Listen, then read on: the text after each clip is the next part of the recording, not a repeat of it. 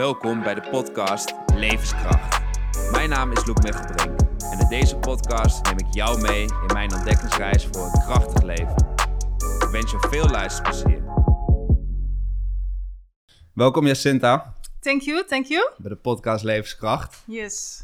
We kennen elkaar eigenlijk helemaal niet zo goed, maar eh, we hebben elkaar een paar keer gezien bij, eh bij Gustav Gym. Yes. Toen zag ik dat trainen met Gino en eh, later heb ik altijd wel gevolgd op Instagram en dat soort dingen. En toen ik de podcast Levenskracht aan het eh, opzetten was, toen was jij al een van de eerste die naar boven kwam eh, bij mij met de dingen waar je mee bezig bent. Dus dat eh heel gaaf. Ja, leuk om te horen natuurlijk. Want zou je eens voor de mensen die jou niet kennen, zou je iets meer over jezelf kunnen vertellen? Wie ben je? Wat doe je? Waar ben je mee bezig? Tuurlijk, tuurlijk. Ehm, nou ja, ik eh, kom uit Amsterdam, Jacinta, zoals je al zei. ik ben net 40 geworden, een beetje een gevoelige snaar. Ik voel me een Ja, beetje... dat, dat, dat wil ik gelijk wel even benoemen, want dat is... Ik zei ze straks nog tegen mijn vriendin van, ja, weet je eigenlijk wel hoe oud ze is? Want ik had gezegd, Jacinta die komt en die... Hoe ik- fucking oud ze wel niet is. Ja, wel gewoon dat het zo verbazingwekkend Ja. Ik zeg, ze is 40 en vriendin zegt, wat? 40? En dat geloof ik gewoon niet. Maar ze kent Gino Ja. natuurlijk ook, want Gino is nu... 27. Ja, Ja, nee, ik precies, ben echt precies. een cougar. Ja, nee. ja, Nee, ja, het is ook maar- heel stom. Ik heb eigenlijk helemaal geen moeite ermee, maar ik, op een of andere manier dat 40, dat Ja, klinkt toch wel echt zo van holy shit, Ja. weet je wel. Maar het is ook wel echt een soort super compliment of zo. Want je Tuurlijk, ziet, ja. ja. Ja, en op Maar zich, weet je, kijk, het is zeg maar meer dat ik denk van, dat je je uiterlijk, dat gaat gewoon een beetje, weet je, gravity kicks in. Mhm. Maar aan de andere kant ben ik heel blij, omdat ik me wel gewoon veel gelukkiger voel. En weet je, je Precies. neemt levenslessen mee en noem maar op. Dus Ja. eigenlijk is het heel mooi om ouder te worden. Maar als ik het zo uitspreek, het is ook echt net een paar dagen geleden. Dus dan is het voor het eerst zondag, dat ik, eh, ja, Ja. dus voor het eerst dat ik uitspreek, ik ben 40. Ja, precies, precies. Ja. Maar goed, nou, oké, dat dus. Ja, maar ja, ik zie het echt als een heel groot compliment. Dat, ja, mijn vriendin gelooft het niet, ik geloof het niet. Als je 30 bent, dan... eh, ja, mensen zien het Thank natuurlijk niet dat het een Nee. podcast is, maar Nee, ga het opzoeken. En als je 30 was, dan eh, had ik het ook helemaal geloofd. Dus- dankjewel. Nou, mijn dag kan niet meer stuk. Maar goed, ik ben dus al 40 jaar ongeveer, was ik altijd bezig met afvallen. En eh, nou, dat is een beetje de rode draad in mijn leven. Ik ben echt, nou, als je het hebt over een yo-yo, dan ben ik dat wel. Eigenlijk altijd geweest. Vanaf, nou, ik denk dat ik op de basisschool al bezig was met afvallen. Omdat ik, ik ben heel, ik ben 1,82 nu en ik was altijd al groot. En eh, ja, dat was eigenlijk gewoon een eeuwige strijd. Nou, om het even heel erg eh, kort samen te vatten, heb ik zeg maar... In, toen ik 21 was, was ik echt op een dieptepunt. Toen heb ik anorexia gehad, bulimia. En eh, toen ik dat overwonnen heb, probeerde ik het allemaal een beetje los te laten. Maar het kwam elke keer weer terug. En toen in 2016 ben ik begonnen met een Instagram-account omdat ik toen helemaal een soort van mijn liefde voor fitness had ontdekt. En dat was eigenlijk een soort van de laatste trap na die ik absoluut niet kon gebruiken. Want toen ging ineens alles alleen maar over mijn lijf. En ik postte echt alleen maar een soort van die mirror selfies zonder mijn hoofd überhaupt erop. Het ging echt alleen maar over, oh my god, ik ben afgevallen en weet je, dit is hoe ik het heb gedaan. Nou, en dat eh, kon ik natuurlijk helemaal niet volhouden. en toen kwam ik weer aan. En toen dacht ik echt van, oké, iedereen volgt mij alleen maar op mijn sixpack. Wat de fuck ga ik nu vertellen, weet je wel? Ik schaamde me gewoon echt heel erg. Dus eerst even een soort van undercover eh, modus gedaan. Even niks meer gepost. En toen een tijdje dacht ik van, weet je, dit hoort er ook gewoon bij. Ik ga het anders doen. Ik ga nu gewoon alles vertellen van wat er bij het afvallen hoort. En hoe, je er, hoe ik ermee omga. En hoe ik zeg maar een beetje balans probeer terug te vinden. En toen ben ik heel veel volgers kwijtgeraakt. En daarna zijn er weer heel veel bijgekomen. En dat is nu eigenlijk waar ik me ja, bijna de eh, fulltime mee bezig hou. Is om gewoon proberen vrouwen te inspireren. Om gewoon van zichzelf te houden, zichzelf te accepteren. En ook al ben je misschien niet blij met hoe je eruit ziet. Ik bedoel, ik ben op het moment ook een stuk zwaarder dan ik normaal ben. Maar dat dat niks heeft te maken met de waarde eh, die je hebt. Of weet je, hoe, hoe succesvol je bent. Of hoe fit je bent zelfs. Ehm, ja, dus dat het eigenlijk gewoon eh, belangrijk is om gewoon vanuit liefde goed voor jezelf te willen zorgen. En hoe, dat, hoe je er dan verder uitziet, dat dat eigenlijk soort van op de tweede plek komt te staan. En dat deel ik dus eh, vooral op mijn Instagram. En eh, nou, eigenlijk alleen op Instagram. dus ja, dat is even in een notendop waar ik me mee bezig hou. Oké. Het klinkt, ja, klinkt mooi. En ik, ja, ik volg je ook al een tijdje op Instagram. En is inderdaad de dingen die je post. Ja, vind ik ook als man zijn, vind ik dat heel inspirerend. Echt? Nou, dat weet ik. Ik heb echt volgens mij iets van 90% eh, vrouwelijke volgers. Oké, Dus nou, toen jij vereerd. Ja, toen jij me ook benaderde, zeg maar, voor deze podcast, dacht ik ook van, oh ja, oké, gesprek met een man, dat is toch weer heel anders. Ik heb natuurlijk een man naast me. En weet je, Gino, dat is misschien even handig om erbij te zeggen. Die is atleet, die is bokser. Echt nou, de mannelijkste man ongeveer die je Ja. kan verzinnen. Carré gestaan afgelopen jaar, volgens mij. Om een bokswedstrijd te doen. Wat zeg je? In Carré gestaan ja, afgelopen ja. jaar. nou, om, dat was eh, in eh, 2019. dat, was, oh, dat is net voor corona. Ja, ja, klopt. En hij heeft, Ja. eh, in april heeft hij nog een mooie wedstrijd gevochten, maar dat was dan zonder publiek. ja. Dat was op tv. Ehm, maar ja, het is wel, zeg maar, toen wij op elkaars pad kwamen, was het heel grappig om te zien. Omdat hij dus iemand is die echt, zeg maar, gewoon een soort van, weet je, eh, ja, gewoon, eh, weet je, er is gewoon nooit een excuus. Altijd doorgaan en harder, harder, harder. En ik was heel erg na een tijdje op dat punt van, nou, weet je, als ik gewoon geen zin heb om te trainen, dan moet het ook gewoon een keer niet kunnen. Dat hij, nou, hoezo kan dat een keer? Je moet gewoon gaan, weet je wel? En maar wij hebben elkaar daar ook wel steeds meer in gevonden. Merk dat hij ook wel doorkreeg na een tijdje van... oké, soms is het wel goed om even een stapje terug te nemen. Zelfs als je een topatleet bent, heb je af en toe rust nodig en noem maar op. Maar toch merk ik altijd wel dat gesprekken met mannen toch anders gaan dan met vrouwen. Omdat die, ja, toch met andere dingen dealen natuurlijk, vaak. Ja. Als ik het even zo mag eh, generaliseren. Ja, ik snap ik snap. Want hoe, hoe kijk je dan tegen die hele Instagram-wereld aan? Want je zegt, inderdaad, je deelt veel op Instagram. Nou, ik, ja, ik zit ook wel op Instagram, ook op een hele lange tijd doe ik het niet. Omdat ik het verwijder, omdat ik een beetje ja, in die bubbel word meegenomen. Ja, Hoe kijk je daar zelf tegenaan? En ook vanuit 2016 tot nu.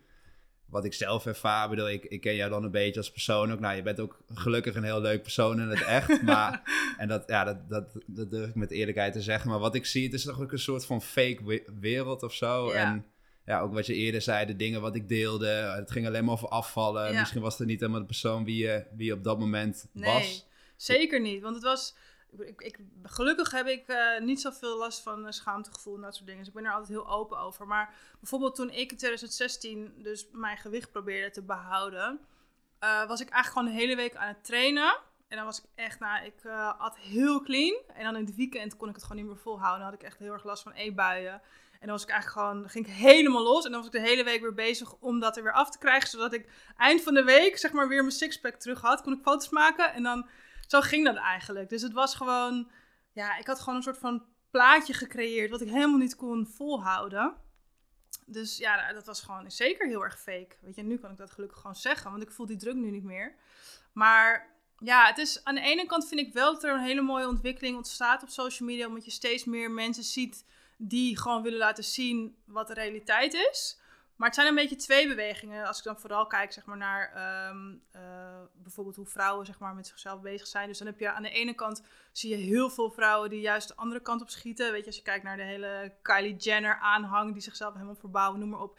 Weet je, ieder moet gewoon zijn eigen ding doen. Maar dat is wel opmerkelijk om te zien, vind ik. en aan de andere kant heb je juist heel veel vrouwen, waar ik dan mezelf eh onder schaar, die laten zien van, weet je, ja, ik heb ook gewoon cellulitis en mijn lichaam is ab- absoluut niet perfect en whatever, het hoort er allemaal bij. Dus dat zijn een soort van twee hele erge uitersten. En ehm, ja, ik heb ook altijd wel een beetje het gevoel dat uitersten soms nodig zijn om ergens in het midden uit te komen. Dus ik hoop gewoon wel dat dat zeg maar steeds meer dan wel naar de kant van het echte gaat natuurlijk. Omdat ik gewoon helemaal, ik kan me voorstellen als je jonger bent, als ik kijk naar mezelf, ik was vroeger ook, eh, ja, natuurlijk heel veel onzekerheden gehad. En als, ik, als je daar dan mee opgroeit en alleen maar die perfecte plaatjes ziet, er wordt zoveel gefotoshopt, zoveel filters, noem maar op. Ja, ik kan me echt heel goed voorstellen dat dat ontzettend veel met je doet. Want zelfs nu merk ik het nog dat ik er soms last van heb. Dus ja, het is best wel een pittig wereldje. En af en toe heb ik ook echt wel dat ik denk van, weet je, ik ben er even helemaal klaar mee. En dan eh, ben ik even een eh, paar dagen offline en denk ik, ja, kan eigenlijk niet. Want ook dit moet ik juist vertellen als ik niet lekker in mijn vel zit. Dus dan probeer ik mezelf wel weer bij elkaar te rapen en eh, gewoon weer eh, alles online te knallen. Maar ja, ik kan me heel goed voorstellen dat er heel veel mensen zijn die denken, nou, even niet voor mij. Want hoe, hoe is dat voor jou? Want ik hoorde dat ook in een eerdere podcast. Dat je zegt van ja, ik wil dit delen met mijn volgers. Of inderdaad, als je een paar dagen niet online bent. Dat je dan denkt van ja, ik moet toch wel een soort van online zijn. Ja, ik ben zelf niet heel actief op Instagram. Vind het leuk om wat dingen te delen. Maar wat ik nu ook een beetje uit jouw verhaal hoor. Van ja, je hebt toch een soort van verplichting richting je volgers. Om bepaalde dingen te delen. Of wel een soort van consistentie Ja, daarin te hebben. Voel, Ja. voel je daar een bepaalde druk in? Of is het meer een soort van natuurlijke flow wat je daarin hebt? Ja, het is een beetje dubbel. Want aan de ene kant, ik zie soms ook wel eens eh, meiden die bijvoorbeeld, eh, ik zeg maar wat fashion posten, weet je. Die posten dan een outfit en dan doen ze één emoticon erbij en that's it. En dan kan ik soms wel naar kijken en denk ik echt, oh, wat een leven, wat heerlijk. Als je gewoon één smiley klaar. Weet je, ik schrijf echt hele levensverhalen onder elke Precies, post. precies. Want zo- ja, inderdaad, dat is heel herkenbaar. Ja. Ik snap het ook niet, dan doe je alleen de tas posten of Ja. zo en dan... Maar ja, het lijkt me heel makkelijk. Maar aan de andere kant, ik vind het ook wel heel fijn, omdat ik zeg maar veel meer diepgang daarmee met mijn posters kan creëren.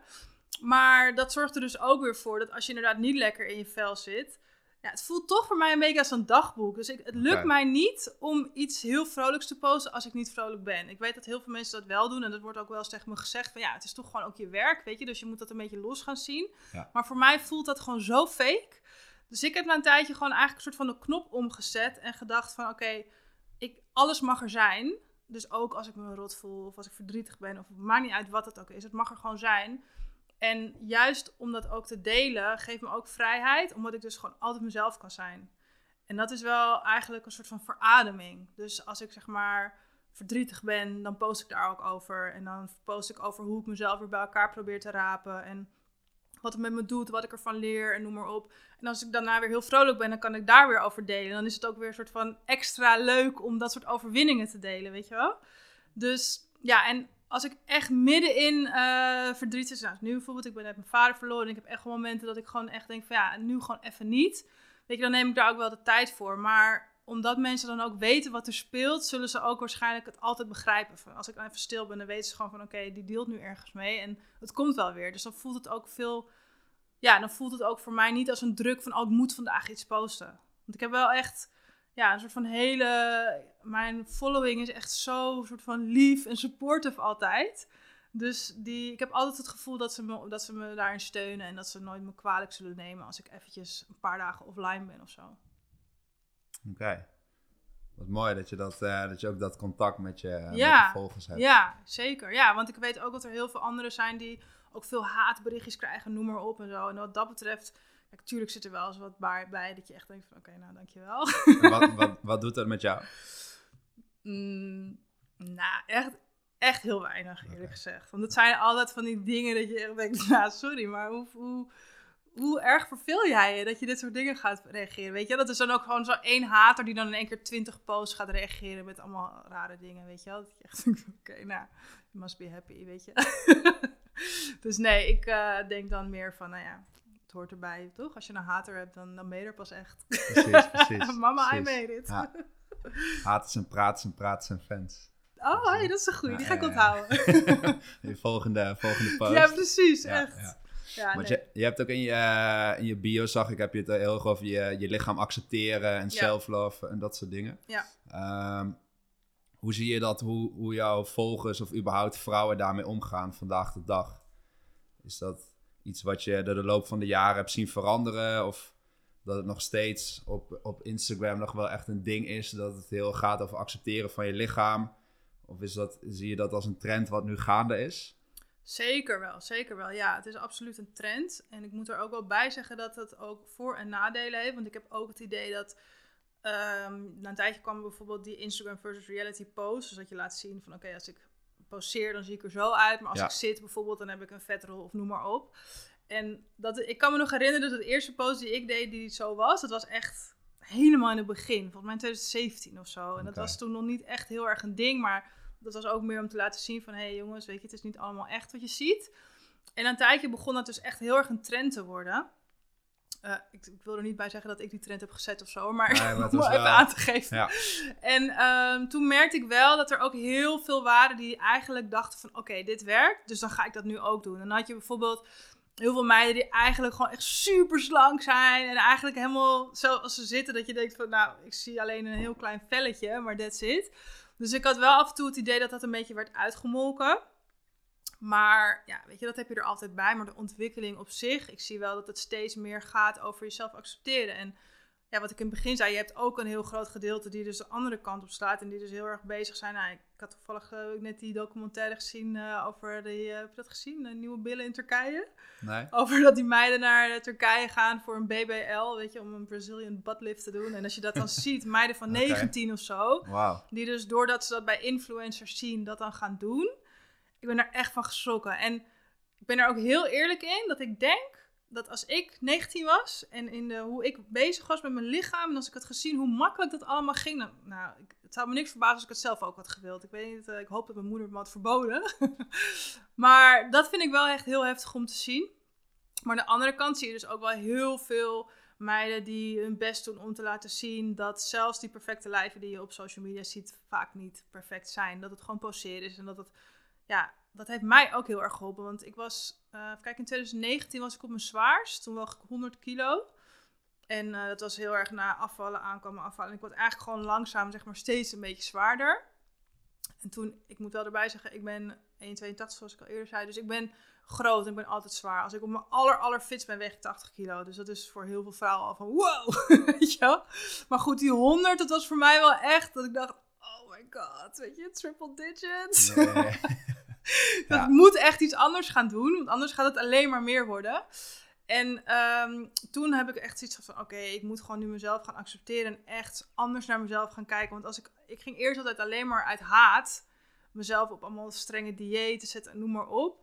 En toen heb ik dus zelf heel veel gehad aan influencers die eigenlijk nog voller waren dan ik, maar die wel echt heel mooi waren. En dan keek ik daarna en dan zag ik al de reacties eronder van, wauw, wat ben je mooi. En oh my god, je prachtige curves en zo. En toen zag ik wel heel erg van, oh, deze vrouwen worden ook mooi gevonden. En die zijn misschien zelfs nogal voller dan ik. Dus ja, ik vind het eigenlijk zelf ook heel mooi. Dus waarom kan ik mezelf dan niet mooi vinden?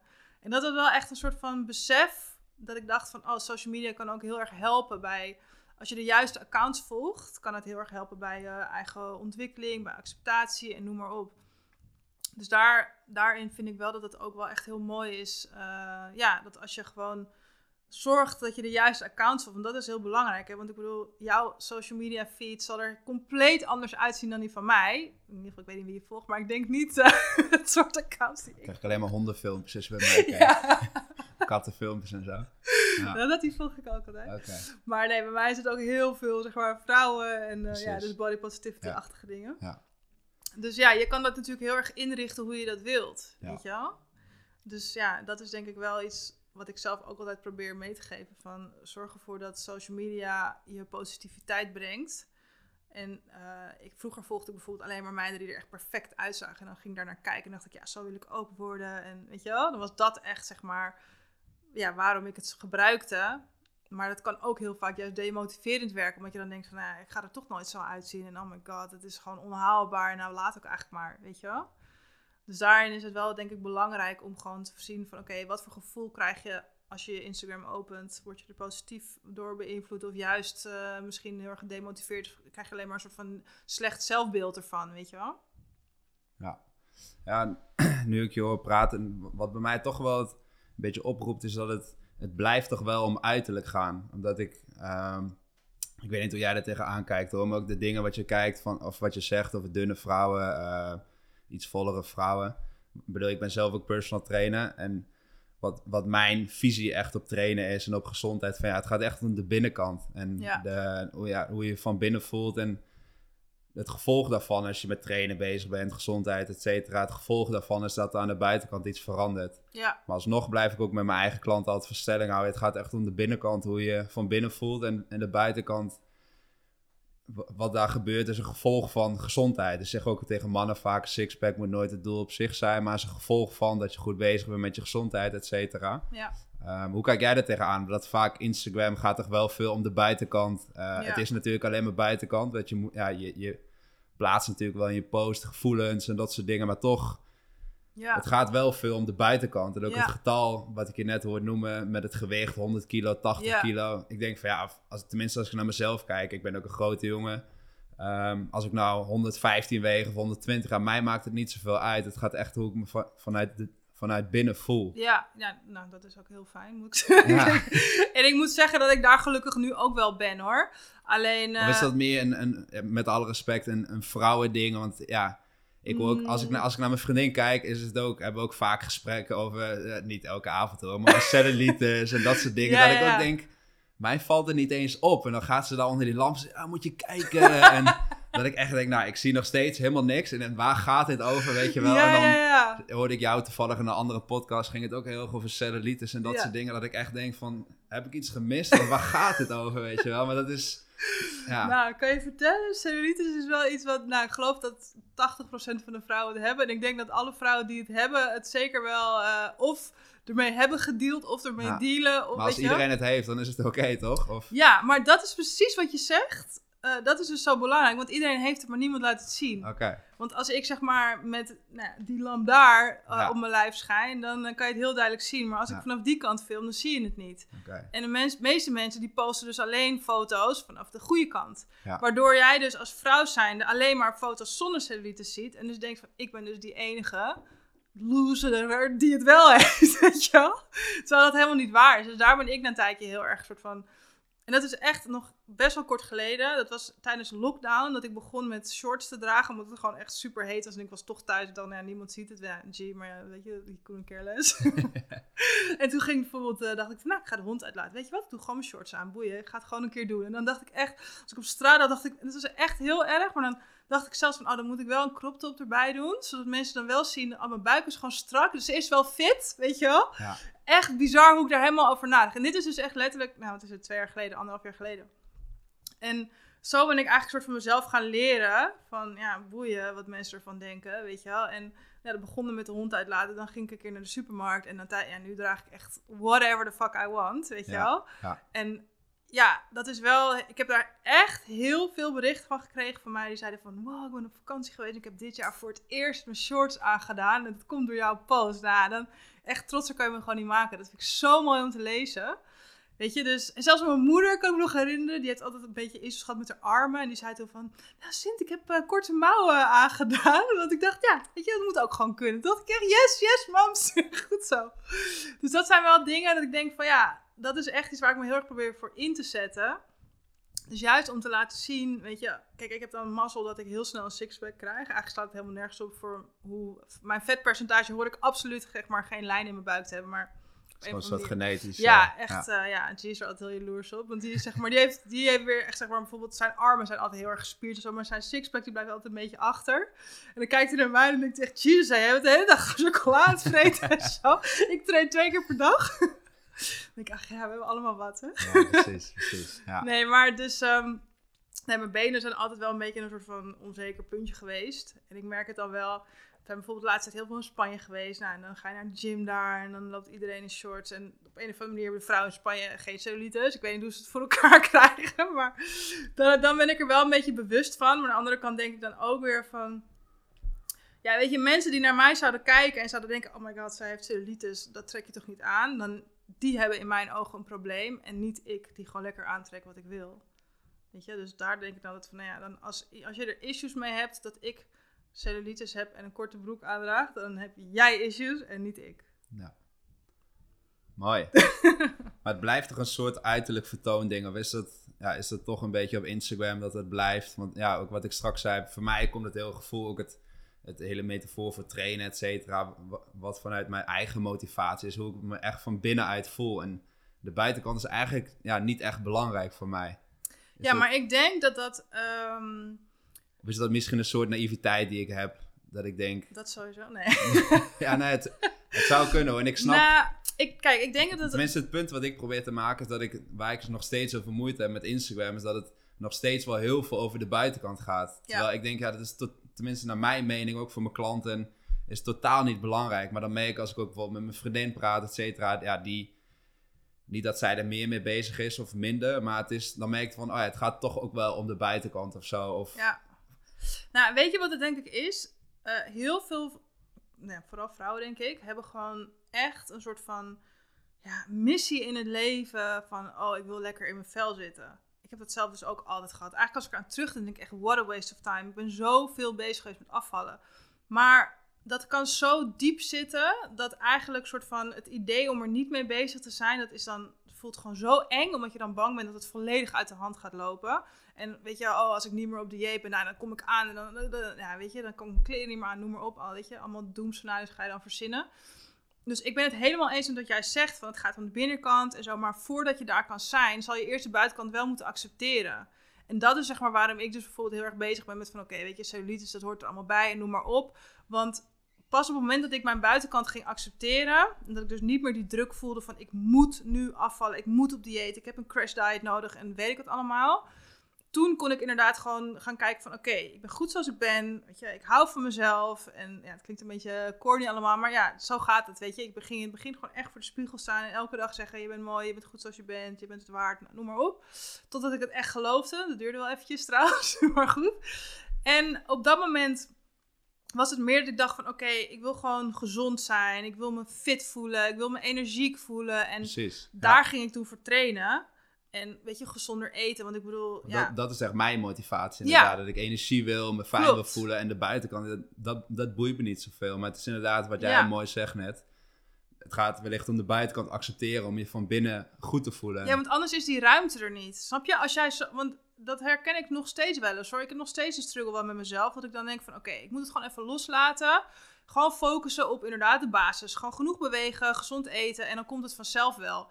Maar als je dus aan bent gekomen en je zit niet lekker in je vel, dan word je daar gewoon de hele dag mee geconfronteerd. Je, bro- je broeken zitten strakker. Als je zit, dan voel je in één keer een vetrol. Als je loopt, dan lopen je benen schuren langs elkaar. Ik zeg maar wat, weet je. Dus dat is iets wat voortdurend in je hoofd zit eigenlijk. Je het bent voelt gewoon je gewoon fijn als je iets... ja, maar dat is dus, je wordt er ook de hele tijd mee geconfronteerd. Het zit als een soort van donderwolk zit het boven je hoofd. Dus om, dan, om op zo'n moment te kunnen zeggen van... oké, ik laat het eventjes en ik ga me gewoon focussen op gezond en noem maar op. Dat kan voor heel veel mensen gewoon een soort van eng aanvoelen. Omdat ze denken, nee, nee, nee, want ik moet eerst snel afvallen... en dan daarna ga ik gezond eten. En daarna ga ik het rustig aandoen. En dat is zeg maar waar heel vaak dat, die, dat de yo-yo vandaan komt. Want mensen dus denken van... Ik ga eerst even snel 10 kilo afvallen. En als ik het dan heb ha- behaald, dan ga ik gewoon een gezonde levensstijl eh, opbouwen. Maar ja, dat gaat gewoon niet. Want als jij jezelf eerst uithongert, dan ja, is er een hele grote kans dat je bijvoorbeeld last krijgt van eetbuien of noem maar op. Of dat je helemaal niet meer naar de gym wilt. Maar dat is gewoon, denk ik, toch wel iets waar heel veel vrouwen mee struggelen. Dus dat ze gewoon eigenlijk niet de rust vinden en de acceptatie om het op de goede manier te doen. Omdat ze gewoon zo bang zijn om maar te dik te zijn. Of om maar in bikini te moeten, want de zomer komt eraan. Weet je wel? Dat is toch iets wat gewoon wel, denk ik, heel erg vaak bij ons in ons hoofd zit. En dat is denk ik, ja, ik probeer dat nu heel erg los te laten. Want ik heb het ook bijvoorbeeld, wordt als gevraagd voor een fotoshoot. Nou, vroeger was het echt van, oké, hoe lang heb ik nog? Nou, oké, wat gaan we doen? Plan de campagne, weet je, trainen alsof mijn leven ervan afhing. En nu denk ik echt, ook al is het over een week, ook al ben ik 10 kilo zwaarder, echt couldn't care less. Dan denk ik, nou, dat zijn gewoon foto's van dat moment. Op dat moment zie ik er zo uit en dat mag er ook gewoon zijn, weet je. Natuurlijk kan ik echt gewoon naar foto's kijken en denken van... oké, dit zou misschien iets mooier zijn als ik wat minder pizza had gegeten de afgelopen periode. Maar ja, dan denk ik ook wel weer aan van... nou, ik heb een leuke periode gehad, ik heb lekker pizza gegeten, weet je wel. Dus ja, het mag er gewoon allemaal zijn. En ik denk dat dat gewoon zo belangrijk is om te beseffen. Dat zeg maar, weet je, de ene keer... eh, kan het zijn dat je juist bijvoorbeeld op vakantie het heel leuk hebt gehad en noem maar op dat je daardoor bent aangekomen. Een andere keer kan het misschien zijn omdat je juist een hele pittige periode hebt gehad. En dat je, ik ben bijvoorbeeld echt een heel erg emo-eter. Dat je daardoor meer eet. Ja, dat mag dan, ik vind dan dat het mag ook gewoon, weet je. Je bent nou eenmaal geen robot. En als dat is wat je op dat moment nodig hebt, nou ja, zo so be it, weet je. En uiteindelijk precies wat je zegt, als je gewoon focust op de binnenkant en gewoon goed voor jezelf zorgt, dan kom je toch wel weer ergens op een gewicht uit wat bij je past. En ik denk ook eigenlijk dat iedereen wel een soort van, ik noem het altijd happy weight heeft. Wat gewoon het gewicht wat bij je past. Waarbij je niet te veel moeite hoeft te doen om het te onderhouden. Waarbij je niet op een heel streng dieet hoeft. En gewoon lekker af en toe uit eten kan. Maar wel gewoon sport, nou, noem maar op.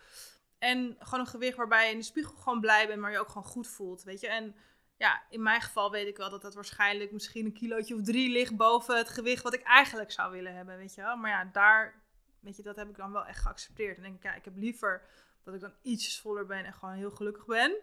Dan dat ik uh, helemaal afgetraind ben en denk van, oh my god, ik uh, wil eten. En weet je, helemaal obsessief daarmee ben. Ja. Ja, wat ik zag ook wel een, een, periode eerder. Misschien was het ook wel een beetje die tijd van, van Gustav, niet per se met jou hoor. Maar mensen die überhaupt op social media, dat het toen echt nog die tijd leefde van ja, dat je echt bezig was met de uiterlijk, sixpack. Dus ja. nogmaals niet jij, maar gewoon in het algemeen. Ja, ik ook hoor.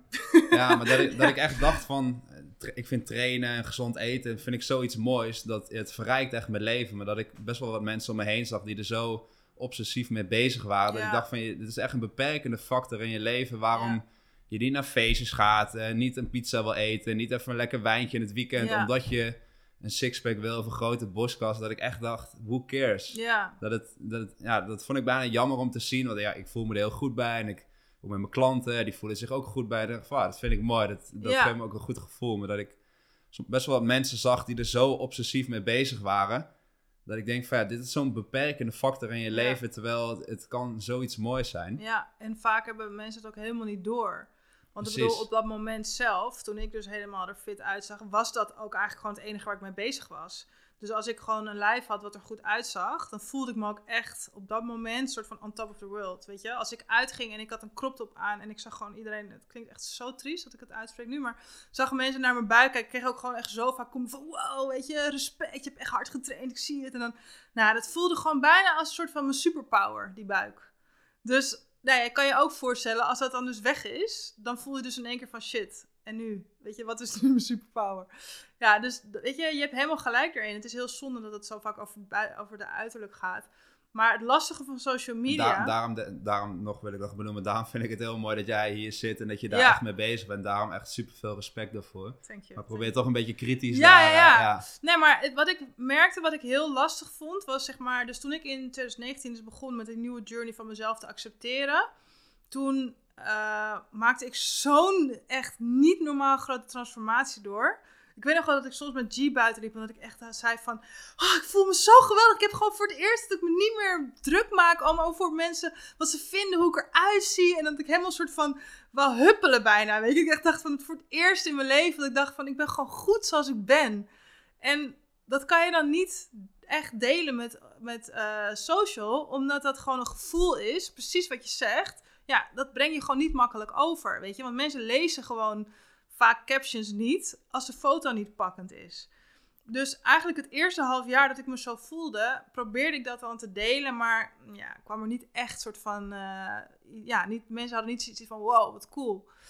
Ja, cool is een beetje raar, maar je snapt wat ik bedoel. Nee, ik snap wat je bedoelt. En toen na een tijdje had ik dus na een half jaar, eh, omdat ik eigenlijk omdat ik er juist niet mee bezig was geweest, maar had ik weer zo'n foto van mezelf gemaakt. Dan had ik die dus naast het begin van het jaar gelegd. En toen zag ik dus, ja, natuurlijk had ik het heus wel door, maar ik was dus heel erg afgevallen. Ik denk, nou, 10, 15 kilo. Toen had ik dus die foto's naar elkaar gelegd, naast elkaar gelegd. En toen, ik dus, toen kon ik dus eindelijk, zeg maar, het gevoel wat ik had, eh soort van eh verwoorden met een, met een foto erbij. Dus dat ik kon zeggen van, kijk, ik heb gewoon echt goed voor mezelf gezorgd. Ik heb gewoon me gefocust op eh, go- lief zijn voor mezelf en gewoon happy zijn en noem maar op. En dit is het resultaat, weet je. Dat is niet omdat ik een dieet heb gedaan, maar juist omdat ik gewoon heel goed voor mezelf heb gezorgd. En toen ineens was het zo van, oh my god, hoe heb je dat gedaan? En dan heb je mensen hun aandacht. En ik vond het aan de ene kant natuurlijk fijn, weet je, dat mensen eindelijk luisteren. Aan de andere kant dacht ik wel van, ja, ik probeer dit al een half jaar te vertellen. Maar mensen luisteren gewoon niet. En ik heb het nu, heel vaak post ik zeg maar eh, bijvoorbeeld een foto van dat ik veel strakker was. En dan een foto van hoe ik nu ben. En dan zet ik dus een hele tekst erbij van, weet je, oké, op de foto links zie ik er misschien veel strakker uit. Maar daar was ik heel ongelukkig en was ik helemaal niet happy, nou, noem maar op. En nu voel ik me heel energiek en noem maar op. En dan reageren mensen alsnog, oh my god, how did you do that? En dan denk ik echt, heb je wel gelezen waar deze post over gaat? Dus mensen lezen gewoon heel vaak niet. Ja. Weet je, ik bedoel, ik snap het ook wel, want ik heb soms echt hele lange teksten. Dat ik denk van, ik vind het wonder dat iedereen het altijd maar leest, weet je. Ja, maar dat is natuurlijk ook een beetje de vlugge wereld van Instagram. Ja, Misschien scrollen, scrollen, scrollen, En dan zien weet je? foto, ja, door, Ja. door, door. Ja, Dat- dus als ik zeg maar een post doe over dat ik 10 kilo ben aangekomen, dan denken alsnog mensen dat het gaat over een before en after dat ik ben afgevallen, weet je wel. En dan krijg ik weer berichten van, oh my god, eh, wat, eh, welke oefeningen doe je voor buik? Want ik wil ook een sixpack. Dat ik echt daar ging het niet om. maar ja, het is ook wel, ik heb zeg maar een jaar geleden, on- ongeveer was dat, toen eh, hebben G en ik even een break gehad. Toen was ik echt heel erg heartbroken. en toen eh, kon ik gewoon geen hap door mijn keel krijgen. Toen was ik dus heel erg afgevallen. En op dat moment dacht ik van oké, ik voel me echt kut, maar ik zie er tenminste wel fabulous uit. Dus ja, ik ging er absoluut helemaal mijn show en mijn sixpack was terug, noem maar op. En toen kreeg ik gewoon zoveel berichten van, oh my god, ben je ook personal trainer en welk dieet volg je en noem maar op. En toen had ik wel echt, ik dacht van wauw, deze wereld is zo slecht. Want ik bedoel, Dan wordt waarom... het eigenlijk een soort fake wereld. Ja, maar Als ook- je je heel slecht voelt, maar wel waarom zou je in godsnaam aan mij gaan vragen om jouw personal trainer te worden? Terwijl ik gewoon alleen maar niet kan eten omdat ik zo verdrietig ben, weet je wel? En dat Was is- je daar toen eerlijk over? Of? Ja, ja, ja, zeker. Aan het begin, eh, ik heb wel even gewacht natuurlijk, want ik moest het ook zelf even een beetje verwerken dat het uit was. maar na een tijdje ja, heb ik het zeker gedeeld. En juist ook door dit, want ik kreeg toen heel veel reacties van, van oh my god, ik ziet er zo goed uit. En eh, weet je, you go girl, dit en dat. En dacht ik alleen maar bij mezelf, ja, maar ik ben doodongelukkig. Weet je, ik wou dat ik zwaarder was en gewoon, weet je, wel gewoon nog happy was. Dus ja, dat heeft wel. Maar ik moet zeggen dat ook al die complimenten wel wat met mij deden. Waardoor ik dus toen ook weer een soort van terugviel. En dacht van, oh ja, zie je nou wel, dit is toch mooier. En ik moet het nu vasthouden. En nou ja, jij weet er alles van als je personal trainer bent. Als jij drie maanden bij wijze van spreken amper wat eet. En je gaat een tijdje je weer beter voelen. En je gaat wel weer wat eten. Ja, dan kom je gewoon aan. Weet je, dat hoort ook natuurlijk. Dus ja, dat is gewoon normaal. Dat, is, dat hoort er ook gewoon bij. Maar ik had gewoon zo sterk dat ik dacht van nee, ik wil het vasthouden. En misschien lukt het me nu wel, weet je. Nou, nee, niet dus. En toen kreeg ik dus weer heel erg last van eetbuien en noem maar op. En dat is dus echt nou, een half jaar geleden of zo eigenlijk. En gelukkig kon ik daar dus nu heel open over zijn. En heb ik ook gewoon, eh, iedereen heeft eigenlijk een beetje meegekregen wat er allemaal gebeurde. Nou, toen werd mijn vader ook nog eens ziek. En ik ben wel echt nog steeds, ik denk mensen die een eetstoornis achtergrond hebben, die zullen denk ik altijd wel een soort van gevoelige snaar hebben. Dus als er heel veel speelt in mijn leven, als ik veel met emoties deel, noem maar op, dan is het vaak zo dat ik dan last krijg van eetbuien. Of dat ik ja, vergeet ineens, te, wat ik gewoon helemaal in mijn eigen, bijvoorbeeld gisteren had ik het ook, toen was ik heel erg verdrietig en toen vergat ik gewoon de hele dag te eten. En gelukkig ben ik er nu bewust van, denk ik van oké, juist nu is het belangrijk om even goed te eten. Dus dan heb ik juist wel even gewoon, eh, weet je, wat gemaakt voor mezelf. Maar ja, dat eten is, dat blijft altijd wel een aandachtspuntje voor mij, weet je. En gelukkig schaam ik me er absoluut niet over en kan ik er gewoon heel eerlijk over zijn. En ook als ik een eetbui heb gehad, ik heb zelfs een tijdje geleden was ik eh, een account begonnen, vreedzak, eh, wat gaat over eetbuien, noem maar op. Want ik merkte dat zoveel vrouwen daar last van hebben en het zich echt kapot schamen ervoor. Dat ik dacht van dit is ook echt zo'n taboe wat doorbroken moet worden. Nou, laatste, ik, ik moet zeggen dat ik er niet meer heel veel heb gedaan met het account, maar dat absoluut wel weer wil gaan doen. Maar dat is meer omdat ik gewoon even mijn hoofd zat vol. Maar ja, gewoon, het is zo herkenbaar vaak voor anderen. Weet je, dan post ik iets over van, ja, dan eh, weet je, dan voelde ik me heel erg rot. En dan ging ik naar de supermarkt en dan onderweg naar huis had ik al een heel pak tompoesen opgegeten of zo. En dan, weet je, dan kreeg ik bijvoorbeeld reacties van, oh, ik herken het zo. En dan bijvoorbeeld ook thuis de snoeppapiertjes, eh, zeg maar, onder in de prullenbak doen, zodat iemand anders het maar niet kan zien en zo. En dan, weet je, dan kan je er eigenlijk een beetje om lachen van, jezus, wat doen we onszelf eigenlijk aan, weet je? En waarom zou je ervoor schamen, weet je? En ik bedoel, nu ja, als ik thuis ben en ik loop te snaaien, dan kijkt G wel af en toe zo van, hey, gaat het? zeg laat me rust, don't judge me, weet je wel. en dan weet hij ook wel van, nou ja, ik moet hem gewoon even laten, dat komt alweer. En voor mij zijn e-buien eigenlijk meer een soort van alarmbel van, hey, eh, het gaat even niet zo lekker, weet je, wat is er aan de hand? En dan neem ik gewoon de tijd om even stil te staan bij wat ik echt voel, weet je. Want dat is het vaak. Op het moment dat je gewoon je gevoelens echt toelaat, dus, dus kan verdriet zijn, frustratie, noem maar op, onzekerheid dan kan je gewoon het gaan verwerken. En dan merk je ook dat vaak, in ieder geval in mijn geval, dan ook die cravings en zo veel minder worden. Omdat je gewoon met je gevoelens aan de slag gaat. Het is toch een, uh, ja, zeggen dat altijd zo mooi, een coping uh, mechanism eigenlijk. Ja, het is natuurlijk zo, je gedachten beïnvloeden je, ge of, uh, je gedachten beïnvloeden je gevoelens. En je Ja. gevoelens beïnvloeden je gedrag. Ja, Dus dat ik weer terug gaat rekenen van oké, ik heb een bepaald gedrag wat ik vertoon. Welke gevoelens horen hierbij en welke gedachten heb ik hierbij. Dus Ja. dat je het meer van oké, ik, ik vertoon nu dit gedrag van een vreedbui eh of iets. Dat je gaat kijken van oké, waar komt dit vandaan? Precies. En waarom, eh, en inderdaad die gevoelens kunnen, kunnen accepteren. ja, eigenlijk is het een soort vreedbui als je kijkt inderdaad de relatie met emotie. Dat het een soort van iets eh, verzachten is. Of een bepaalde Ja. emotie verzachten. Of ja, Hetzelfde als mensen alcohol of drugs kunnen gaan gebruiken. Ja. Dat, ja, gewoon even weg van de realiteit misschien. ja, of precies. Iets het kan niet van alles voelen. zijn, ja. Ja. Het kan echt van alles zijn. En ik denk ook wel dat als ik bijvoorbeeld naar mezelf kijk, je, vroeger had ik echt, ik heb natuurlijk bulimia gehad, dus dan, dat waren wel ander soort eetbuien dan wat ik nu heb. Nu is het meer dat ik inderdaad, wat ik zeg, dan eet ik vier tompoesen achter elkaar. Ik ben gewoon tompoes verslaafd. Maar dat, dat zie ik, ja, voor een ander kan het echt zijn, oh my god, viert mijn moeder bijvoorbeeld. Dus hij zegt, Sint, waarom doe je dat? Dat is toch helemaal niet lekker? en ik zeg, Ja. ik denk, ach, nou, dat is echt Precies. uh, peanuts, Maar het is ook hoe je er nu over vertelt inderdaad. Met een beetje lachen. En Ja. gewoon dat je, ja, inderdaad, als je er zo over kan vertellen. Dat is, ja, dat vind ik... Ja, want het is gewoon voor mij dat ik denk, achteraf kan ik, ja, wat ik zeg, dan denk ik echt van, nou, het was gewoon even nodig, weet je. Ja, oké, ik ben nu misselijk, klaar. Prima. Maar ehm, zolang er maar geen schaamte bij komt. En ik denk ook dat soms heb ik ook gewoon echt even het moment... Kijk, die, die tompoes in de auto, dat is echt nooit nodig. Maar ik heb wel soms echt oprecht het gevoel dat ik gewoon een avond nodig heb. Dat ik gewoon lekker op de bank zit, Love Island ga kijken en gewoon eten waar ik zin in heb. En dat is voor mij ook een soort van therapie. Weet je wel? Om gewoon het gevoel te hebben dat je gewoon niks hoeft, niks mag. Of uh, niks mag. Alles mag, niks Ja. hoeft. Weet je wel? En dan kan me daarna dan ook echt oprecht gewoon zoveel beter voelen. Dus dan denk ik, ja, als dat mij nou een goed gevoel geeft. Weet je, de ene die, die gaat heel gedisciplineerd juist eh, extra hard trainen. En wat meer op zijn voeding letten, noem maar op. En dat heb ik ook periodes wel. Dat ik denk van, nou, dat is waar ik nu eh, behoefte aan heb.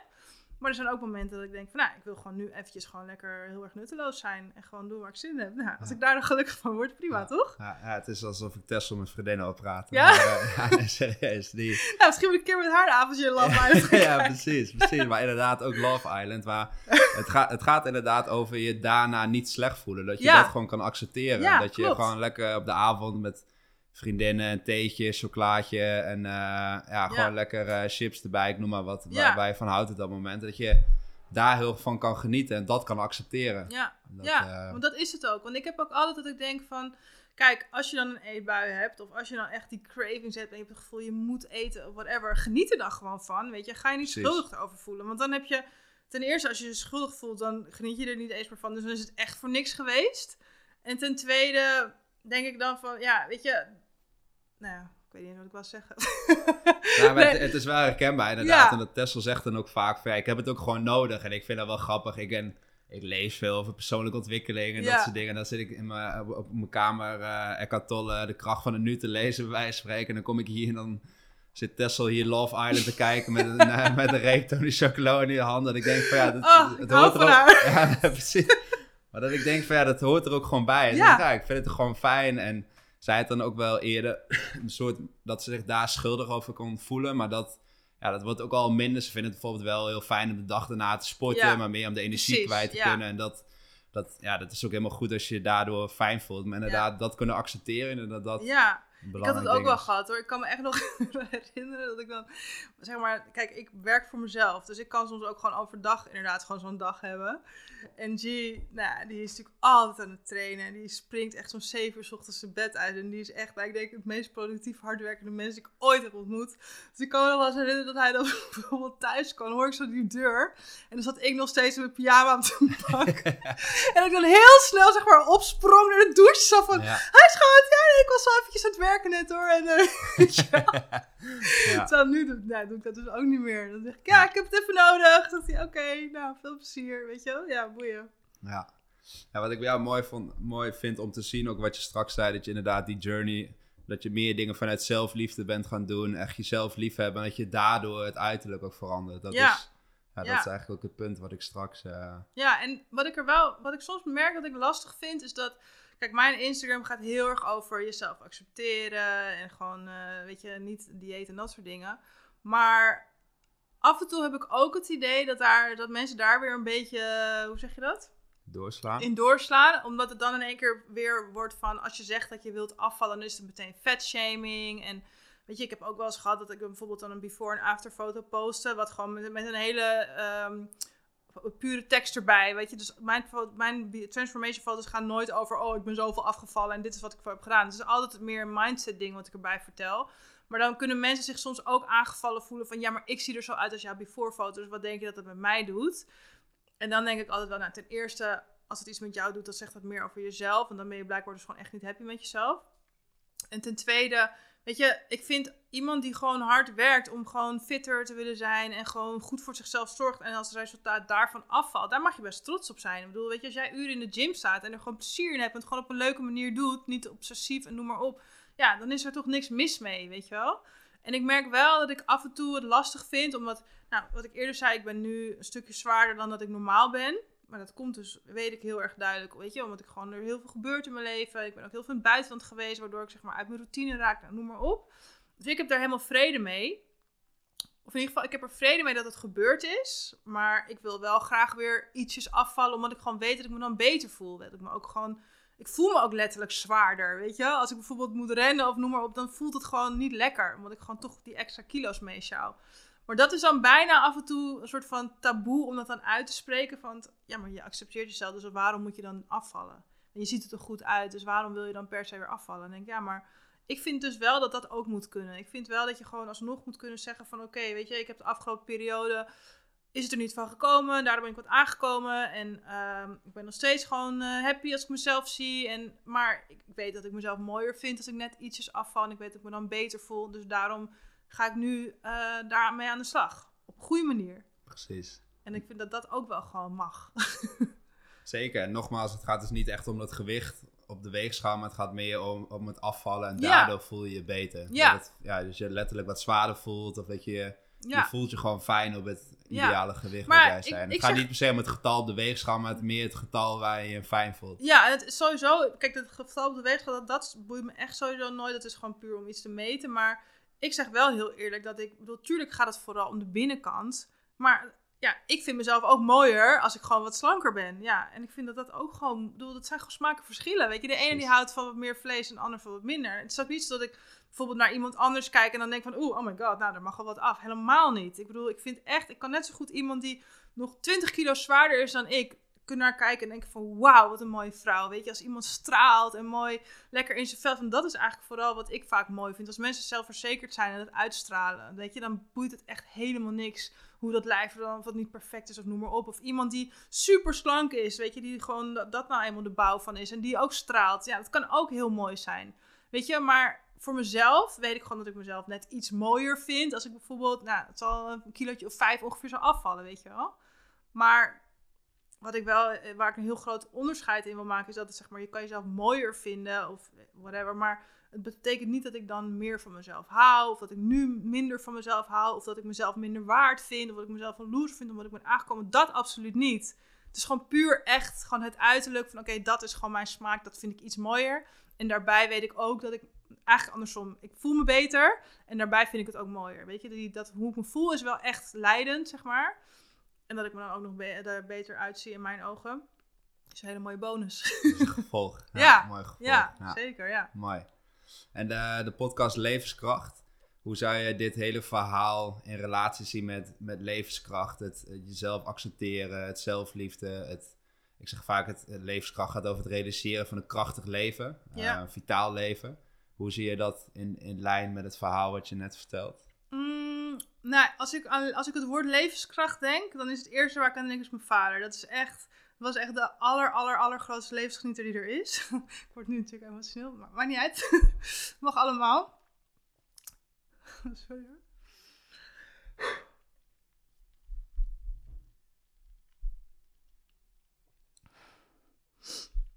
toen mijn vader ziek werd, toen kan ik me nog herinneren dat ik echt dacht van... Oké, weet je, hij wil zo graag en hij kan niet meer.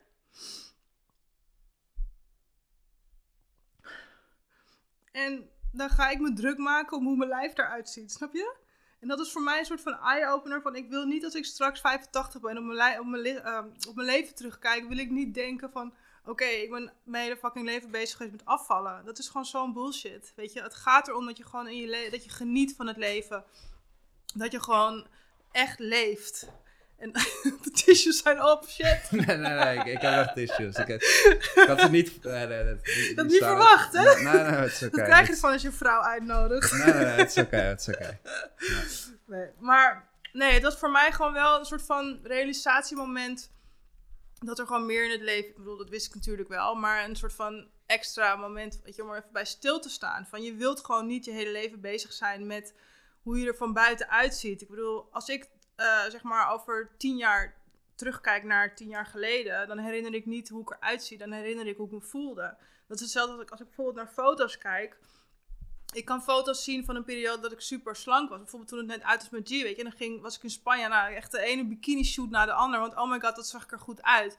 Maar als ik die foto's terugzie, dan zie ik gewoon een hele ongelukkige periode. En daar kan geen sixpack tegen op, weet je wel. En dat is denk ik dat je zegt van levenskracht is voor mij gewoon je gelukkig voelen en stralen en gewoon in je kracht staan. En echt gewoon wakker worden en denken van oké, ik doe waar ik gelukkig van word. En niet uh, omdat ik er op een bepaalde manier uit moet zien. En daarom dwing ik mezelf om naar de gym te gaan. Of daarom mag ik niet uit eten met mijn vriendinnen, want ik wil per se dun zijn. Dat is gewoon zo'n waste of time, weet je wel.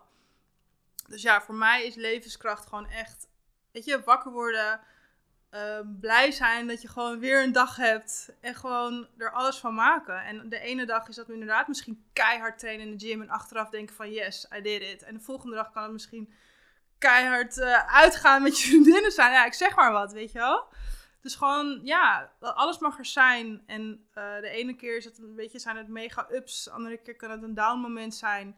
Maar zolang er gewoon ruimte is voor alles, dan denk ik gewoon dat je echt over het algemeen gewoon heel gelukkig bent en uiteindelijk op je leven terug kan kijken en kan denken van ja, weet je, ik heb echt geleefd en ik heb ertoe gedaan en ik heb mensen geïnspireerd of weet je, ik heb uh, mensen lief, ge, je dat, uh, liefde gevoeld. Dat zijn toch dingen die uiteindelijk gewoon veel belangrijker zijn. Amen. ja. ja, heel mooi beschreven. Ja. Thank you, thank you. Ja, en ook dingen wat, wat met je vader gebeurt. Ja, ik denk ook toen, toen de vader van Tessa overleed, dat je dan heel sterk weer die filter krijgt van wat Ja. echt belangrijk is in je Ja. leven. Dat je dat ook echt denkt, dat sommige dingen dat je misschien op Instagram of Ja, dingen voorbij ziet komen. Dat je denkt, waar gaat dit over? Ga Echt, gewoon hoor. lekker leven. ja en- maar echt. Ja, ja. tuurlijk. Ja. Kijk, en het is natuurlijk omdat mijn Instagram nou altijd eh, gaat gewoon heel veel over mijn lijf, waardoor het gewoon ook voor mezelf natuurlijk, weet je, ik word er al elke dag als ik een post doe, gaat het eigenlijk weer daarover, weet je. Dus daardoor word ik er vaker mee geconfronteerd, maar daardoor probeer ik wel mezelf altijd te herinneren van, oké, het gaat niet om mijn lijf, maar het gaat om de boodschap die ik probeer over te brengen. Dus daarom boeit het eigenlijk niet hoe mijn lijf eruit ziet. Weet je, want mensen volgen mij niet omdat ze denken: oh my god, zij ziet er perfect uit. Absoluut niet, dat weet ik zeker. Het gaat er gewoon om dat als mensen mij volgen, dan volgen ze mij omdat ze denken: van oh, zij heeft iets te vertellen en zij heeft een bepaalde journey doorgemaakt. En ik herken veel punten van eh, waar zij mee heeft gestruggeld, daar struggle ik misschien ook mee. Weet je, dat is wat ik probeer te doen door eigenlijk gewoon. Ik heb het idee dat op een of andere manier dat ik gewoon heel vaak dingen meemaak waar heel veel vrouwen mee strijden of eh, struggelen. Dus dan weer een break-up, dan weer afvallen, dan weer dit, noem maar op. En door dat gewoon bespreekbaar te maken, hoop ik gewoon dat vooral vrouwen en die paar mannen die me volgen, zijn absoluut welkom. Kom aangesproken. Zolang ze maar niet eh, alleen maar volgen om bikinifoto. Nee, maar gewoon dat mensen gewoon ja, geïnspireerd raken om gewoon zichzelf te, eh, te accepteren en gewoon ja, gelukkig te zijn met zichzelf. En zie je omdat je, je, je, je geeft net aan dat je nou, 40 bent geworden. Oh, moet je nog even erin wrijven. 40, ja, 40, ja, ja. Is dat in je, qua volgers, zie je daar een bepaalde leeftijd in? Dat het misschien eh, meer eh, vrouwen zijn van mijn leeftijd, ik ben dan 28. Of is dat, is dat een hele brede Mm. categorie of zie je daar een bepaalde...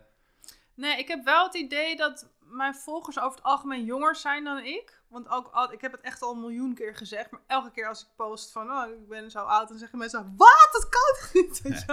Op een of andere manier het niet helemaal door of zo. Maar ik heb ook wel, want laatst toevallig had ik een post gedaan over dat ik merkte dat ik meer moeite had om mijn gewicht soort van naar beneden krijgen of stabiel te houden. Omdat ik toch het idee dat dat te maken heeft met mijn leeftijd. Toen ging ik daar naar googlen en toen dacht ik echt, oh my god, nou nu begint het gewoon het begin van het einde. Ze zeggen, als je zodra je 40 bent, ga je stofwisseling omlaag. Je spieren gaan weg. Ja, ja, weet je, is echt gewoon, aftakeling is begonnen. dus toen deed ik daar een keer een post over. En toen kreeg ik dus wel heel veel reacties van, nou, ik ben 45 of ik ben 50. dacht ik, oh wat leuk, die zitten er ook bij, weet je. Maar die zijn misschien toch ietsjes meer op de achtergrond of zo. Ik denk dat de wat jongere meiden misschien sneller zullen reageren. En omdat die zelf misschien meer in dat social media wereldje zitten of zo. Maar ik heb het idee dat ik gewoon over het algemeen gewoon vrouwen, eh, vrouwelijke volgers heb. En dat het eigenlijk gewoon van, van jong naar oud is. En dat vind ik juist wel heel erg tof. Dat is zeg maar, ik denk dat, gewoon, dat het ook niet heel veel uitmaakt. Omdat er sommige vrouwen van 55 zijn die nog steeds dezelfde dingen hebben waar meisjes van 15 eh, tegenaan lopen, weet je wel? Ja, dat is natuurlijk ook weer een boodschap wat je... bedoel, iedereen gaat ook door die verschillende fases Ja. heen natuurlijk. Van Ja. 25 naar 35 naar Ja. 40. En dat, dat hoort er allemaal bij, bij wijze van spreken. Ja, zeker, ja. En hoe heb jij een bepaald. ehm ehm, nee, je, hoeft niet- je, je vader, daar hoef je niet, hoef je het niet per se over te hebben. Maar wellicht is dat. Want de, een vraag, de vraag is eigenlijk: heb je een bepaald inspiratie, een voorbeeld eh, in jouw leven die jou heeft geïnspireerd tot de dingen wat je nu vandaag de dag doet?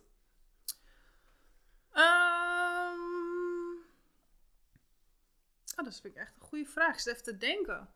Nou, het klinkt misschien gek, maar ik denk dat dat gewoon. ehm dat ik dat gewoon zelf ben geweest. Omdat ik gewoon eigenlijk gewoon zag hoe erg ik aan het struggelen was. En dat ik gewoon eigenlijk eh, als een soort van buitenstaander naar mezelf keek. En echt dacht van, waar ben je nou mee bezig? Weet je, waarom maak je het zo zwaar voor jezelf? En ik heb, eh, dat was toen ook begin 2019. Het is natuurlijk wat me nu ook een beetje binnen schiet van... Je, wat ik bij jou ook vaak zie, is je maakt veel foto's in de spiegel. Is het ook, gelijk, is het ook een soort van reflectieding dat je vaak naar jezelf kijkt in de spiegel? Of... Ja, nou, ik denk dat iedereen natuurlijk wel vaak naar, vaak naar zichzelf kijkt. Maar het is wel, ja, ik heb wel, zeg maar, ik ben anders naar mezelf gaan kijken. Weet je, dat zeker. En ik kan me nog herinneren, toen ik dus begon met mezelf, zeg maar die nieuwe journey om mezelf te accepteren. Toen had ik als een soort opdracht voor mezelf, ik weet eigenlijk niet eens hoe ik erop kwam, maar dat kwam zo in me op. Toen ging ik een brief aan mezelf schrijven. En dan eigenlijk alsof ik het naar mijn beste vriendin zou schrijven. Dus gewoon echt een soort van pep talk. Ja.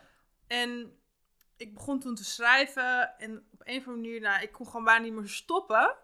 En dat ik toen in één keer echt dacht van, wow, ik gun mezelf het echt om gewoon gelukkig te zijn. En om gewoon niet meer me druk te hoeven maken over wat mensen van mij vinden. En ik had bijvoorbeeld echt, dat ik dan een beetje met iemand afsprak die ik een tijd niet had gezien. Dan het eerste wat ik dan dacht was, oh, hoe zag ik eruit de vorige keer toen ik haar zag? Oké, nou, als ik dan was aangekomen, dan ging ik alvast een smoesje verzinnen van wat er dan was gebeurd, waarom ik was aangekomen. Dat soort dingen. Toen dacht ik, ja, als ik met iemand afspreek, dan kijk ik daar helemaal niet eens naar. Weet je, ik couldn't care less. Als iemand is aangekomen en het valt me op, dan zal ik of denken, nou, die heeft goed geleefd. Of als ik, als ik weet dat iemand het zwaar heeft, zou ik misschien denken van, oh, kan ik ergens mee helpen? Maar ik zal nooit denken, nou, ben jij een loser? Je bent aangekomen, snap je? Dus ja, door eigenlijk als een soort van buitenstaander naar mezelf te gaan kijken. Dus ook eigenlijk alle, ook hoe, weet je, hoe je naar jezelf, uh, hoe je tegen jezelf praat, is zo ontzettend belangrijk. En ik werd daar gewoon heel kritisch in. Dus ik ging gewoon, elke keer als ik iets tegen mezelf zei, dacht ik van, oké, zou ik dit ook tegen een vriendin zeggen? Nee? Oké, dan ook niet tegen jezelf.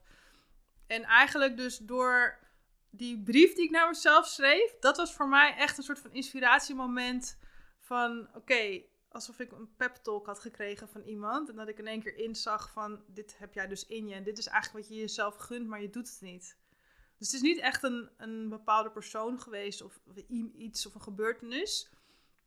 Maar ik denk wel dat de social media daar een hele grote rol bij heeft gespeeld. Dat ik dus echt wel accounts ben gaan volgen waarvan ik, waar ik dus die uh, acceptatie, dat, dat het makkelijker voor mij maakte. Omdat ik dat herkende. En uh, ik denk sowieso dat herkenning gewoon heel vaak heel fijn is. Omdat je toch vaak het gevoel hebt dat je de enige bent die ergens mee struggelt. En als je dan iemand anders leest die datzelfde meemaakt, dan denk je in ieder geval, oh oké, ik, ben, ik ben niet raar. Of weet je, het is, het is normaal dat ik me zo voel. Dus um, ja, dus ik denk een combinatie van dus toch het social media verhaal, ook door mijn verhaal te delen. Want ik krijg dus ook heel, wat ik net zei, als ik dus een berichtje krijg van, oh, ik heb door jou voor het eerst shorts aangedaan. Dat is voor mij echt, als je, als je het over inspiratie hebt, dan is dat is echt de grootste inspiratie en motivatie voor mij om door te gaan. Want ik heb ook echt wel momenten dat ik helemaal zat ben. Weet je, als het algoritme weer eens irritant is en ik mijn best doe om een mooie post te schrijven en dan 300 likes krijg. Dat ik denk, nou, sorry, ik heb 50.000 volgers, wat is dit, weet je wel? Waar doe ik het ook eigenlijk voor? Maar ja, dan kan ik één zo'n berichtje krijgen en dan denk ik, ja, daar doe ik het dus voor, weet je. En het zijn toch, ik bedoel, als je 300 mensen in de ruimte zet die allemaal zeggen, je doet iets wat leuk is, dat is heel veel, weet je. En af en toe moet je ook gewoon denken, weet je, boeien hoeveel, wat die cijfers dan zijn. En, maar weet je, omdat social media natuurlijk gewoon eigenlijk een hele rare wereld is. Want je laat iets zien en dan vraag je van, oké, hoeveel mensen vinden dit leuk? ja. Je zegt herkenning, maar het is natuurlijk ook een beetje erkenning. Ja, van... precies. Weet je, dus dat is toch, af en toe moet ik dan wel mezelf eventjes uh, eraan herinneren van, en dat is uiteindelijk niet waar het om draait. Weet je, het gaat erom dat, dat je mensen wilt inspireren. Dus als, je, als, als ik met mijn Insta over de afgelopen jaren 50 mensen heb kunnen inspireren, dat, dat vind ik echt een geweldige prestatie, weet je wel? Dus ja, dat zegt eigenlijk helemaal niks over het aantal likes wat je dan op een foto krijgt. Want als, het er 50, als het 50 likes zouden zijn, zou ik misschien denken van, oh, dat is heel weinig. Terwijl als het 50 mensen in het echt zijn, dan denk ik, wauw. Terwijl die 50 likes zijn toch echt mensen, weet je wel? Ja, een beetje een vaag verhaal, maar ik hoop dat je begrijpt wat ik nee, ik snap. Nee, ik snap het. Meer van ja, de kwaliteit van bepaalde ja, berichten ja. ten opzichte van dat je misschien duizend mensen die even snel double tap doen en weer doorgaan. Dat je liever uh, 50 echte mensen hebben die er echt mee aan de slag zijn gaan ten opzichte van duizend mensen die Juist. even liken. En uh, ja. zo vaag was het niet. Nou ja, gelukkig. uh, laatste vraag. Um, nou, nog één keer. Je bent net 40 geworden. Oh, here we go. ik, ging, ik zei nog aan het begin, mijn dag kan niet meer stuk. Maar je eindigt toch weer. Nee, ja, precies. De cirkel weer rond, hè. Ja, oké. Okay, nou, nee, ja. grapje, Pak mijn tissues er weer bij. ja. Nou, als de, uh, Jacinta van laat zeggen 20, 21, 22, als die nu hier binnen zou komen lopen en bij ons aan tafel zou gaan zitten, wat voor een advies zou je haar geven? leuke vraag. Ik denk ten eerste dat ze binnen zal lopen en zou denken: Oh my god, wat ben je dik? en dan zou ik echt zeggen: Meid, je hebt geen idee. Nee, ehm, het belangrijkste wat ik zou zeggen is dat je gewoon. Eh, wees lief voor jezelf, toon begrip voor jezelf. En weet dat je er mag zijn. En dat zeg maar hoe je eruit ziet, dat dat niks zegt over je waarde. Het klinkt een beetje afgezaagd, maar uiteindelijk is dat gewoon zo, zo, zo ontzettend belangrijk. Dat ik dacht echt oprecht. Ik kan me herinneren dat ik, als ik in een ruimte kwam, het eerste wat ik deed was om me heen kijken. Om te kijken of ik niet alweer de dikste zou zijn. En als ik dat dan wel was, dan voelde ik me echt oprecht minder dan de andere mensen. Ik voelde gewoon alsof mensen altijd op me neerkeken. Ik kan me nog herinneren dat ik een vriendje had. En dat ik dan dacht van, oh, als wij naast elkaar liepen, dachten zullen mensen wel denken, wat moet hij met die dikke chick? Weet je wel? Nou, kan je vertellen, hij mocht echt blij zijn dat ik naast hem wou lopen. Hoe heet die? Hoe heet? Ja. nee, maar Ja. ik bedoel alleen maar dat je dus zo... even taggen in de story. ik- Nee, maar dat ik denk van, je kan jezelf zo naar beneden halen. En dat is dus wat ik heel erg deed. En nu, als ik dan inderdaad één ding moet zeggen, is doe dat alsjeblieft nooit meer. Haal jezelf weer naar beneden. Maar echt, wees je eigen belangrijkste number one fan eigenlijk, weet je. Want als ik me een keer rot voel, dan denk ik echt van, oké, wat heb je wel allemaal gedaan, weet je. En dan probeer ik echt mezelf gewoon uit de put te trekken, uit te schoppen, zeg maar. Maakt niet uit hoe, weet je. Maar er zijn zoveel dingen die positief zijn, weet je. En ik bedoel, bijvoorbeeld als ik nu naar mezelf kijk, dan denk ik van, je, afgelopen jaar, ik heb zoveel overwonnen voor mezelf. Ik heb zo'n zwaar jaar gehad. En toch, weet je, ook dat ik gewoon nu eh, een podcast doe, een week nadat mijn vader is overleden. En dat ik echt denk, ja, als ik moet huilen, I don't fucking care. Weet je, ik mag er gewoon zijn en dat gevoel mag er ook zijn. Dat is voor mij zo'n overwinning. Dat ik van, ga ik me dan echt druk maken omdat ik vijf kilo zwaarder ben? Snap je? En terwijl een tijd geleden was dat eigenlijk het allerbelangrijkste geweest. Van, oh ja, maar je bent zwaarder en dat is wat er nu... Dat had gewoon altijd, zeg maar, de... Hoe zeg je dat? De boventoon. En nu is het gewoon dat ik denk van, ja, weet je, dat is gewoon echt bijzaak. Dus dat zou ik echt tegen mijn vroegere zelf hebben willen zeggen. Want dat had echt zoveel ellende bespaard. ja, zeker. Ja, ik vind het heel knap waar je mee bezig bent en hoe je deze, ja, ook in dit uur de hele journey beschrijft. En de, hoe je dat nu tegen je een 20 jaar jongere zelf zegt ten opzichte van hoe je nu Ja, met oprechtheid en eerlijkheid je verhaal vertelt. Dus eh, ik zou zeggen, ga door met het, met het spreiden van je boodschap. En Thank eh, you, inspireer alle, alle vrouwen mee en, eh, en mij En een dan paar ook. mannen. Maar, Precies. ja. maar bedankt voor je verhaal. Nou, Heel, dankjewel dat ik de kans kreeg om, eh, om het te delen. Ja. Dankjewel, Jacinta. Graag gedaan. Ja, dat was hem weer, lieve mensen. Ik hoop dat je hebt genoten. Laat even weten wat je ervan vond. En dan spreken wij elkaar snel weer. Maak er een mooie dag van en tot de volgende.